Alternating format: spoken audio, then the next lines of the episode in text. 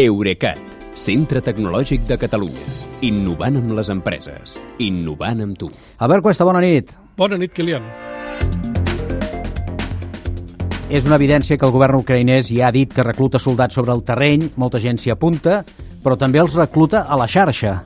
Sí, la, la resistència d'Ucraïna a la invasió russa compta amb un exèrcit de ciberguerrillers que es dediquen a atacar empreses i infraestructures de Rússia i de Bielorússia amb els seus ordinadors.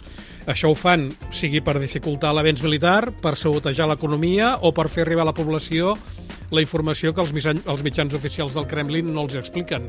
Uh, en dic exèrcit perquè el seu punt de trobada és un canal de l'aplicació de xat Telegram que es diu precisament així, IT Army of Ukraine, o sigui, exèrcit TIC ucraïnès. Sí.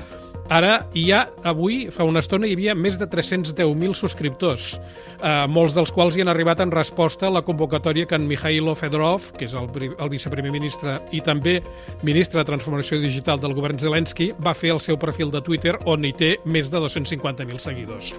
En aquest canal de Telegram no hi ha només hackers ucraïnesos, sinó també d'altres països, i cada dia hi troben els deures que el govern els encomana, que solen ser temàtics. Per exemple, avui es tractava d'atacar per qualsevol mitjà informàtic quatre agències privades de crèdit que operen a Rússia, però ahir eren més d'una dotzena de serveis de l'administració Putin. Diumenge els, els objectius eren els mitjans de comunicació sota control de, de, la, de Rússia i dissabte les empreses de lliurament de menjar a domicili que es veu que eh, ho explicaven, eh, però ho expliquen en, en, en ucraïnès i en anglès, que yeah. convé, això convé, aquest atac convenia fer-lo en cap de setmana, que és quan tenen més trànsit. Clar. Uh, en cada cas uh, s'especifiquen quines adreces IP i quins ports de connexió s'havien de saturar i cada dia el missatge té centenars o fins i tot milers de comentaris sobre les incidències que es troben aquests hackers. Uh, sigui com sigui, el sistema funciona perquè serveis com NetBlocks, d'aquests que monitoritzen uh, uh, ciberatacs, han comprovat que els objectius d'aquests atacs han deixat de funcionar en algun moment, com va passar amb diversos bancs russos i fins i tot amb l'energètica Gazprom. Dius que els hackers es comuniquen via Telegram, però aquesta aplicació no és russa? Uh, es diu sovint que ho és, però no és així.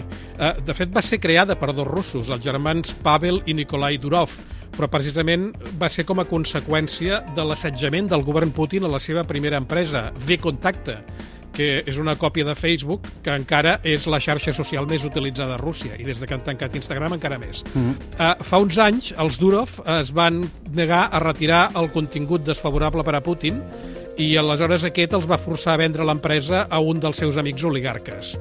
Uh, en els diners que van aconseguir estan finançant Telegram des d'aleshores, però uh, s'han cuidat molt bé d'explicar que no tenen cap empleat ni cap servidor a Rússia i és per això que els opositors a molts regims eh, autocràtics del món es comuniquen per Telegram, que ja té més de 500 milions d'usuaris diaris.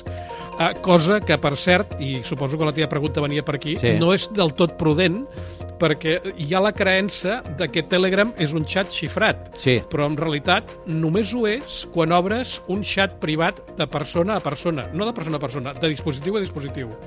Uh, els xats estàndard de Telegram, que són els que es traspassen de, de, els pots tenir oberts a més d'un mòbil, a l'ordinador, a la tauleta, estan, de fet, estan més subjectes a que algú els intercepti que, per exemple, uh, no els de WhatsApp i els de Signal. I, de fet, el creador de Signal, en Moxie Marley Spike, que jo crec que és un pseudònim, eh, aclaria fa pocs dies a Twitter que Telegram no es pot considerar una aplicació xifrada. Doncs és bo saber-ho perquè aquí també hi ha molta gent que ho creu. Eh? Algun dia potser ens hauràs de dir eh, cap on hem d'anar si volem estar xifrats i molt segurs.